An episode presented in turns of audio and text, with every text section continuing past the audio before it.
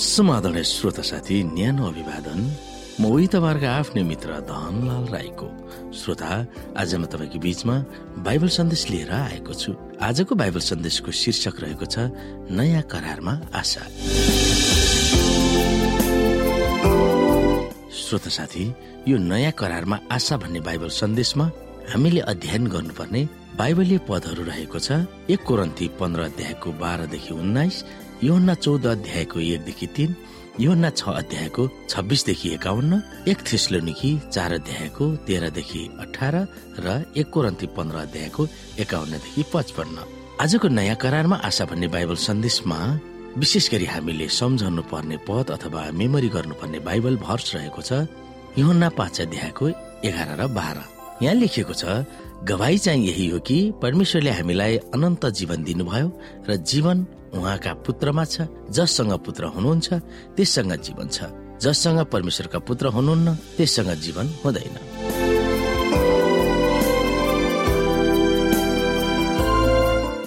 श्रोता नयाँ करारका लेखकहरूले तत्कालीन चलन चल्तीको प्रचलित भाषा ग्रिकमा नयाँ करारका पुस्तकहरू लेखिएका थिए। ती लेखकहरूमा लुका बाहेक सबै यहुदीहरू थिए।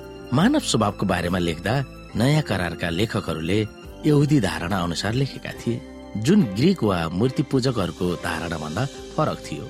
यहुदी धारणामा मानव जीवन शारीरिक मानसिक आत्मिक वा सम्पूर्ण पक्षमा एक आपसमा सम्बन्ध छ भनेर सिकाउँथ्यो।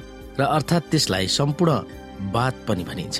तर ग्रिक सभ्यतामा ती पक्षहरू एक आपसमा जोडिएको छ भनेर विशेष गरेर सिकाइन्दथ्यो यसकारण यसु र चेलाहरूको निम्ति इसाई आशा कुनै नयाँ आशा थिएन। बरु पुर्खा र अगमवक्ताहरूले मनमा सजाएर राखेको पुराना आशालाई नै तिनीहरूले उघारेका थिए। हामी उदाहरणमा हेर्न सक्छौ आफ्नो दिन अब्राहमले देखेका थिए र उनी आनन्द भएका थिए भनेर। यसुले भन्नुभएको थियो योहन्ना आठ अध्यायको छप्पन्नमा यसुको दोस्रो आगमनको बारेमा हनुकले भविष्यवाणी गरेका थिए भनेर यहुदाले लेखेका छन्। हिब्रूको पुस्तकमा विश्वासका बहादुरहरूको बारेमा उल्लेख गरेका छन् जो स्वर्गीय इनामको निम्ति आशा गरेका थिए जुन हामीले नपाउन्जेल तिनीहरूले पाउने छैन। यदि धर्मीहरू मरेपछि सिधै प्रभुसँग स्वर्गमा छन् भने पावलको त्यो भनाइको कुनै अर्थ छैन। जो मानिसहरू यसुमा छन् तिनीहरूमा मात्र जीवन छ भनेर योहन्नाले गरेको जिकिरले मानिस स्वभावैले अमर छ भन्ने कुरालाई योहन्नाले सरासर असहमति जनाउँछन्।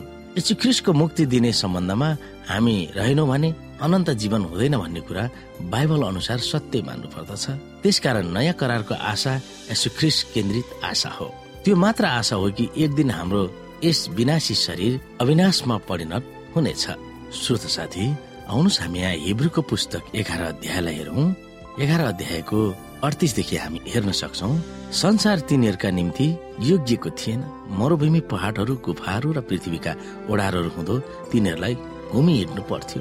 तिनीहरू सबैले आफ्नो विश्वासको निम्ति ठुलो प्रशंसा पाए तर प्रतिज्ञा गरिएका कुरा चाहिँ पाएनन्। परमेश्वरले हाम्रो लागि अझ असल योजना राख्नु भएको थियो ताकि हामीसँग मात्रै तिनीहरू सिद्ध तुल्याइन् यसै गरी श्रोता फेरि हामी अर्को पद हेर्न सक्छौ यहाँनिर एक योन्ना पाँच अध्यायको एघार र बाह्र। यहाँ भनेको छ गवाई चाहिँ यही हो कि परमेश्वरले हामीलाई अनन्त जीवन दिनुभयो र जीवन उहाँका पुत्रमा छ।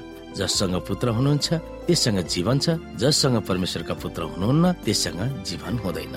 हामी यहाँबाट बुझ्न सक्छौ श्रोता जस जसले प्रवेश ख्रिसमाथि विश्वास गर्छ उनीहरूसँग जीवन अथवा अनन्त जीवन छ। हामी यो कुरा बुझ्न सक्छौ। र जसले उहाँलाई विश्वास गर्दैन त्यससँग परमेश्वर हुनुहुन्न अथवा अनन्त जीवन त्यससँग हुँदैन। यो कुरा हामी हाम्रो हृदयमा राख्न सक्छौ।